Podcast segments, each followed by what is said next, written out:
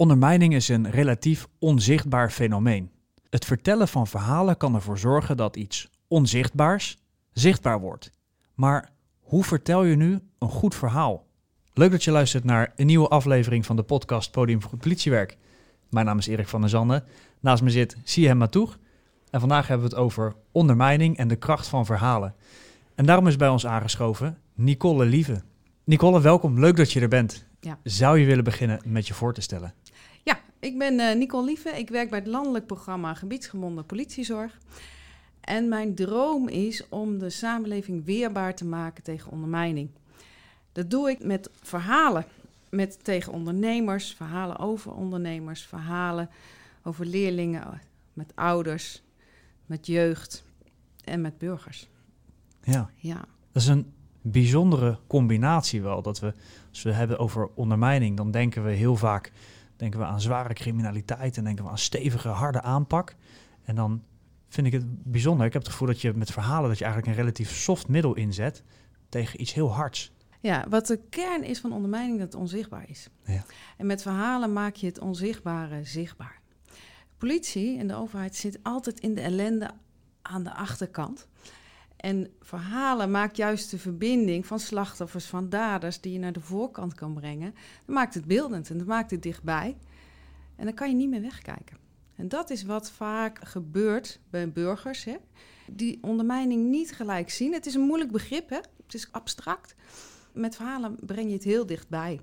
Ik ben uh, gedragswetenschapper en ik breng de pragmatieke denken en doen bij elkaar. En wat, wat moet ik daaronder verstaan? Ik kwam eens bij een fruitboer en ik zat aan zijn keukentafeltje. En hij vertelde mij hoe hij ooit het huis van zijn moeder probeerde te verkopen. En dat lukte niet. Hij had het verhuurd aan een foute ondernemer, foute huurder. En daar kwam hij al heel snel achter. En hij ging daar naartoe met een herdershond, met zijn broer. En hij zei tegen de huurder, weg jij, hier die sleutel. Met dat hij mij dat verhaal vertelde, en wij samen aan dat keukentafeltje zaten, vroeg ik me af, hoe kan het dat hij die politie niet belde? Hoe kan het dat wij daar niet waren? Toen ik hem aankeek, merkte ik ook, dit is niet de eerste keer dat hij dit deed. Eigenlijk was hij onze boerenpolitie in het buitengebied al jarenlang. En samen zagen we met elkaar dat het daardoor ook heel groot is geworden. Wij waren er niet. Of er moest een melding zijn, hè? maar die kwamen er niet want er was weinig vertrouwen. Met dat ik hem in de ogen keek, dacht ik ja, en wij samen hebben de oplossing. Als we de verhalen gaan vertellen die gebeuren, zichtbaar maken, het effect van het niet in verbinding zijn, dan maak je de georganiseerde misdaad alleen maar groter. En daar ligt de oplossing. En die verbinding hebben we gemaakt. Dit is een verhaal, dat heb ik ooit verteld uh, op de TEDx in uh, Den Haag duizend politiecollega's, omdat ik denk dat het anders kan. Dus met verhalen kun je heel goed stelling nemen. Je kunt mensen op andere gedachten brengen. Je kunt mensen inspireren. En dat grote begrip ondermijning maak je heel klein en heel dichtbij. En dat kan iedereen. Alle collega's van die lokale politie hebben politieverhalen. Alle mensen bij de overheid hebben verhalen van effecten van waar iets niet lukt. Hebben verhalen waar ze trots op zijn wat je raakt of waar je, waar je van wakker ligt. We hebben daar vragen over. Als je die in verhalen gaat vertellen, maak je verbinding. Dan word je mens. En mensen maken verbinding met elkaar. Dan wordt er een wereld veiliger van. Ik vind het mooi wat je zegt. Ik vind het herkenbaar wat je zegt. Hè? Vooral de verhalen die we hebben. We hebben als, als je als, als politiemedewerker een aantal jaar op straat hebt gewerkt. Of een aantal jaar in opsporing hebt gewerkt. Dan heb je een bak met verhalen die je kunt vertellen, daar uh, zeg je u tegen. Hè? We zien ook dat het politiewerk heel erg interessant gevonden wordt. We zien op dit moment een cameraploeg hè, van uh, Ewout Genemans zien we meelopen. Wat maakt dat onze verhalen, onze politieverhalen, dat die het zo goed doen bij het grote publiek? Ja, het raakt hè. Als je kijkt naar ons werk, hebben we heel zinvol werk. Ja. Mensen die bij de politie zijn gekomen, hebben altijd iets uh, waarom ze dat gedaan hebben. Waarom ze geraakt zijn, wat ze meegemaakt hebben. En als je dat gaat vertellen, dan raakt dat ook uh, de burgers. Um, we zijn niet gewend om veel van ons werk te laten zien. Terwijl veiligheid is van ons allemaal. Kijk, die politie heeft uiteindelijk hè, die repressieve taak, maar een, een, een, een voorzetrol in de preventie. We hebben niet primair preventie. Maar we, door onze verhalen kunnen we anderen in positie zetten. En wordt veiligheid van ons allemaal. Mensen willen zich veilig voelen. Dus door onze verhalen te vertellen, zetten we die bal voor bij anderen. Juist in dat thema ondermijning is dat zo belangrijk. Want ondermijning is van ons allemaal. En de politie heeft daar slechts een verdedigingsrol. Maar we hebben wel die verhalen van slachtoffers en daders. En daarmee maken we de verbinding. Daar zit de kern. En hoe kom je zover dat je, hè, dat je verhalen maakt, verhalen deelt? Hè? Uh, hoe kunnen collega's dat in de praktijk zien? Hoe kunnen ze dat zelf tot uitvoering brengen? Want daar gaat het natuurlijk over. Het gaat natuurlijk over hun verhalen in verbinding met de burgers. Maar hoe doe je dat dan? Ja, nou zelf heb ik natuurlijk geleerd om TEDx... Verhaal is een vaardigheid. Laat ik dat even zeggen. Verhalen is een vaardigheid. Dat is wel belangrijk om te doen, want iedereen kan een verhaal vertellen, bij wijze van, hè? Ja, ja, maar een goed verhaal vertellen is een techniek. Dan moet je oefenen, dat moet je leren, dat moet je heel vaak doen. Ik heb zelf uh, in de positie gezeten dat ik door die TEDx-auditie kwam, daardoor in een coachtraject kwam, uh, theatermakers, uh, allerlei ondersteuning heb gehad om dat te leren. Dus heel vaak doen, heel vaak voor de spiegel staan, nog een keer doen. En uiteindelijk is elke zin raak. Inmiddels heb je dan zo'n rugzak vol verhalen, hè? want je hebt de hele dag verhalen die je kunt uh, zien, die je naar de organisatie kunt uh, brengen. En die functioneel ingezet worden in jouw werk. Want daar gaat het dan even over. Hè? En toen dacht ik, ja, alle collega's in de frontlinie hebben ook deze verhalen. En zeker mensen, die 23.000 mensen in de gebiedsgebonden politiezorg, die hebben verhalen waardoor ze verbinding kunnen maken met die scholen, met die jeugd, met die ouders, met uh, andere ketenpartners. Alleen, je moet dat verhaal leren vertellen. Dat is een vaardigheid. Dus we zijn begonnen met collega's die verhalen te leren te vertellen in één dag. Dus de basis van verhalen is een, is een techniek die je kan leren. En we hebben ervaren nou, je hebt dat ook zelf ervaren, Siam. Ja, je zat in die een, eh, training. ja, het was een hele mooie, bijzondere ervaring. Maar ja. ja, het is zeker een vaardigheid. Je kan niet zo zeggen, ik ga, ik ga de bühne op en ik ga verhalen vertellen. Nee. Nee, dus dat... Uh, ja. ja, dus eh, die verhalen zijn er, hè, bij iedereen. En iedereen die dat wil oefenen, kan dat leren. Zelfs in een dag. En dan heb je aan het eind van de dag heb je twaalf cursisten met twaalf verhalen. Waar ze gelijk bijna de volgende dag hè, daar naartoe kunnen gaan waar ze willen het verhaal van de fruitboer, de ondernemer. Al die ernstige verhalen heb je ineens vormgegeven en kan je verder mee. En zo krijg je een rugzak vol verhalen die functioneel zijn in jouw werk. Waarmee je verbinding kunt maken en inspiratie kunt geven. En dat kan van heel klein in de lokale situatie, maar ook in de politiek.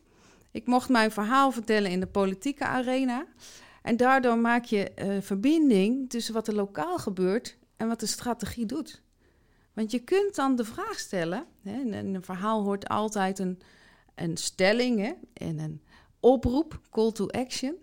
En dan vraag je aan die meneer van de politiek van nou, u zit in die veiligheidscommissie in die Tweede Kamer. Hè? Als ik u was, zou ik. Bam. En dat kun je doen omdat je geleerd hebt hoe je zo'n verhaal in balans kunt uh, brengen. En dan kun je het overal toepassen. Van strategie tot uh, lokale collega. Van leidinggevende is het ook hartstikke belangrijk. Ik zou leidinggevende ook op willen roepen: ga je rugzak vol verhalen stoppen. Hou op met beleidstaal, maar vertel even wat je raakte deze week en waarom. En ga dat ook leren. Stel je open om zo'n verhaal goed te leren te vertellen. Je gaat echt van een 6 naar een 9 binnen een dag. Hè? Ja, ik heb het ervaren, Nicole, absoluut. Ja, ja, zeker weten. Ja. Dus, um... Het is ontzettend genieten. Hè? Als trainer uh, doe ik samen met Harriet Komans, uh, nou, expert op het gebied van speech. Daar heb ik ook heel veel van geleerd. En samen hebben we dit traject opgezet. Bieden we het aan voor de uh, collega's in de GGP, maar inmiddels ook voor mensenhandel, mensensmokkel. Hè? Het speelt het eigenlijk hetzelfde principe. Alles wat onzichtbaar is, zichtbaar maken en daarmee in de maatschappij verbinding maken je geeft aan, de call to act is een van de cruciale onderdelen van een, een goed verhaal. Ja. Waar moet een goed verhaal uit bestaan? Ja, je hebt bouwstenen hè, in een uh, verhaal. Ja. Wat heel belangrijk is, is vragen stellen. Herken je het? Dat je voor zo'n hennenplantage staat en die opruimt... en een week later denkt, ik sta er weer. Dat is een vraag, hè, wat ik nou doe. Mm -hmm. Dus dat verpak je in verhalen. Je kunt eh, vragen stellen aan jezelf. Toen vroeg ik me af, heb ik dit nou wel goed gedaan? Toen vroeg ik me af bij die fruitboer, hoe kan het zijn dat wij geen verbinding hebben? Vragen stellen naar jezelf en vooral naar je publiek. Dat is een heel belangrijke bouwsteen. Vragen stellen, call to action. Derde die ik ontzettend belangrijk uh, vind, kritiek voor zijn, kritiek ombuigen. Gebeurt veel te weinig. Als je voor het publiek staat en je denkt, oh niemand gaat hier de politie bellen, dan ga je dat zeggen. Misschien denkt u, als ik u bel, er gebeurt niks. En dan zet je er iets nieuws tegenaan. Dan zeg je van, joh, en ik wil u vragen het wel te doen.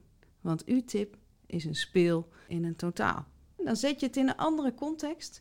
Je erkent een, een, een publiek geluid wat je voelt in je verhaal. Die trek je erin. Kritiek ombuigen en je zet er iets anders tegenaan. Dan hou je dingen in balans in je verbinding. Dat zijn eigenlijk de drie belangrijkste bouwstenen daarin. Ja, een oproep doen. He, dus heel rechtstreeks. En die call to action, he, die kun je elke keer veranderen naar het publiek waarvoor je spreekt. toen ik voor de politiek stond, had ik een andere call to action dan dat ik voor ondernemers sta. dan zeg ik van, joh, misschien bent u de directeur van die bank. Misschien vraagt u zich ook wel af, waar komt dat geld vandaan? Nou, dus morele oproepen zitten er vaak in. En handelingsperspectief geef je daarmee. En in ondermijning is dat heel vaak als je de vloerbedekking eraf gehaald hebt met een persoonlijk verhaal, persoonlijke anekdote speelt ook een enorme rol. Hè? Dus je hebt het niet over scholieren, maar je hebt het over Ahmed. Ahmed, 18 jaar, op het ROC, die kwam ik tegen en hij kreeg een aanbod. En hij heeft niet gedaan. Waarom niet? Waarom heeft hij het niet gedaan? Kijk, vraag, hè? Zit hij weer in? Hij had een droom. Hij wilde politieagent worden. Nou, dan is hij mijn held, hè? Ja, Dan hebben we gelijk verbindingen met die jongen. En dan kun je heel goed uitleggen, want iedereen kent Ahmed. Iedereen in onderwijs heeft Ahmed in de klas. Dus met dat je iets persoonlijks maakt, maak je het heel dichtbij en herkenbaar. En dan maak je weer de breedte naar het publiek. Hè? Naar, als je voor docenten praat, misschien heeft u zo'n Ahmed in de klas. En dan ben je er al. Dus het is spelen met persoonlijke anekdotes, vragen stellen, kritiek ombouwen call to action doen. En dat zijn bouwsteentjes en die wissel je in elkaar. Die huls je door elkaar. En de ene keer doe je het net anders dan de ander. De ene keer vertel je het zelf even voor je spiegel. De andere keer thuis. En zo ontwikkel je dat vrij snel hoor. Het verhalen vertellen. Als je dat leuk vindt. Het is ook fun hè. Het is echt fun. Want het is jouw verhaal. Het is wat jou raakt. Dus emotie is trouwens ook een belangrijke hè. En je zegt, joh, dit raakt mij. En veel breder dan politiemensen. Je kunt ook kijken, jij bent, iedereen is veel meer dan politiemensen. Iedereen is moeder of vader of staat bij de sportclub. Dus dat breder kijken naar jezelf maakt dat je veel meer verhalen kunt zien, kunt vormgeven en ook kunt wisselen in perspectief. Misschien bent u die moeder van Ahmed. Heeft u dit helemaal niet doorgehad? Nou, dan ben je weer bij die moeders. En zo kun je spelen met, nou, inmiddels heb je zo'n doe dit al jaren, hè, heb je zo'n rugzak voor vol verhalen. En is het elke keer, wie heb ik voor me? Welk verhaal pak ik eruit? En welke boodschap heb ik eigenlijk? dus je inspireert, je maakt verbinding en je helpt iemand verder. Of niet, hè? Dus je houdt het ook vrij. Ik vind het ook wel mooi wat je zegt, want het is niet een standaard verhaal wat je iedere keer ophangt, maar je kijkt echt naar je gesprekspartner of naar je publiek, met wie het verhaal wilt delen en wat uiteindelijk de beweging die je wil wilt gaan maken. Ja, kijk, en vanuit, en dat helpt zo sterk in die positie van de politie. Hè? Want veiligheid is van ons allemaal, ondermijning is van ons allemaal. En daarom is, is het een heel sterk middel om je als politie in positie te zetten. Omdat je hiermee verbinding uh, maakt. Dus met de community ga je samenwerken. Misschien kan jij wat doen, zeg je tegen die fruitboer. Of tegen die schooldirecteur. Of ik weet het ook niet. Dit is wat ik kan bijdragen. En dus ook kwetsbaar zijn in wie je bent. Dan ben, dan ben je mens en dan, uh, ja, dan heb je verbinding. Ja, mooi. Weet je, begrijp ik dan ook goed als je je eigen verhaal vertelt, dat je de ander ook uitnodigt om ook zijn verhaal met je te delen? Want dat is uiteindelijk ook de beweging die je wil gaat, wilt gaan maken als we het hebben over ondermijning. Ja, ja. Ik heb natuurlijk heel veel zitten luisteren hè? en vragen stellen naar mensen en altijd nieuwsgierig naar mensen. Kijk, ik heb niet zelf alle verhalen, zo niet. Maar ik kan wel verhalen van anderen in een context zetten, waardoor iedereen er weer wat aan heeft. En dat kan iedere collega. Dus dan, daarom heet de training ook een rugzak vol verhalen. Je begint met dus één verhaal technisch goed te leren. En daarna ervaar je dat je steeds meer ha- verhalen vindt en daar ook nog beter in kan worden. Dus de droom is ook een soort community te krijgen van verhalenvertellers lokaal binnen die gebiedsgebonden politiezorg. En- partners trouwens, Ja. breder ook hè. Kun je ook wat voorbeelden geven in die storytelling en ondermijning, wat je hebt gezien in beweging of in successen? Kan je er iets over delen of iets over vertellen? Ik stond voor een, ehm, eh, nou, bijvoorbeeld de serviceclub, hè, de, de Rotary. Informeel belangrijke mensen in de maatschappij. Eh, het verhaal te vertellen over je gaat het pas zien als je het door hebt. Ik noemde een aantal voorbeelden. In de financiële wereld. En daar zat die directeur van de bank. En ik vertelde natuurlijk wat er met de bank aan de ga- gang is. Hè, en wa- wat, wat waar komt dat geld vandaan? En, en kun je het moreel nog voor jezelf hè, eh, opbrengen om hieraan... eh, en ik blijf altijd heel lang hangen. Hè. Dus gaat altijd over de koffie en, en, en, en de drankjes en zo. En dan komen die verhalen, dan komt die verbinding aan die bartafel. Is nu wat moeilijk trouwens, maar... En daar vertel, ze zegt, nou, ik ben, ik ben zo'n bankdirecteur, zei ze.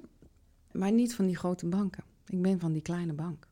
Hoe sterker de grote banken zich weerbaar maken tegen eh, witwasconstructies... Hè, hoe meer klanten ik krijg die niet oké zijn. Nou, er viel echt een stilte. En ik, ik, ik zag bij haar gewoon een kwartje vallen van... dit ga ik niet lang meer volhouden. Een week later belde ze me op. Ze zei, Nicole, ik zit bij een andere bank. Je, je geeft een zetje, je laat dingen zien. Hè? Je, je haalt de vloerbedekking ervan af, je maakt het zichtbaar. En mensen geven zelf antwoord op vragen die voor hun passend zijn. Maar ik vind het ook mooi, want je laat iemand ook zijn morele kompas, daar draai je even aan, hè? Ja, Maar dat is misschien juist als het om ondermijning gaat, wel je call to action. Inderdaad, even aan dat morele kompas draaien. Kijk, het is niet voor niks dat ondernemers een belangrijke doelgroep zijn. Dat scholen een belangrijke doelgroep zijn. Dus jonge aanwas hè, en, en, en ondernemers. Als je één pil eh, draait, dan heb je 63 facilitators nodig. Er zijn heel veel ondernemers tussen. Dus wij weten vanuit veiligheid, daar zit veel gedoe. Dus we moeten mee oppassen. Dus we doen dat ook heel gefocust. Hè? Van oké, eerst die ondernemers bewust maken. En op zo'n awarenessavond heb je tien me- meldingen per avond. Ja, het gaat heel snel. Als je een paar voorbeelden noemt. En, en de taboe is eraf. Dat is wat je doet. Het taboe is eraf. En je, doordat je een verhaal vertelt, en wat daar gebeurd is, hè, wat je heel erg naar de ziet. Hè, dus het gebeurt gewoon hier, het is om de hoek en het is Jan overkomen. Ik vertel nu het verhaal van Jan. Bam.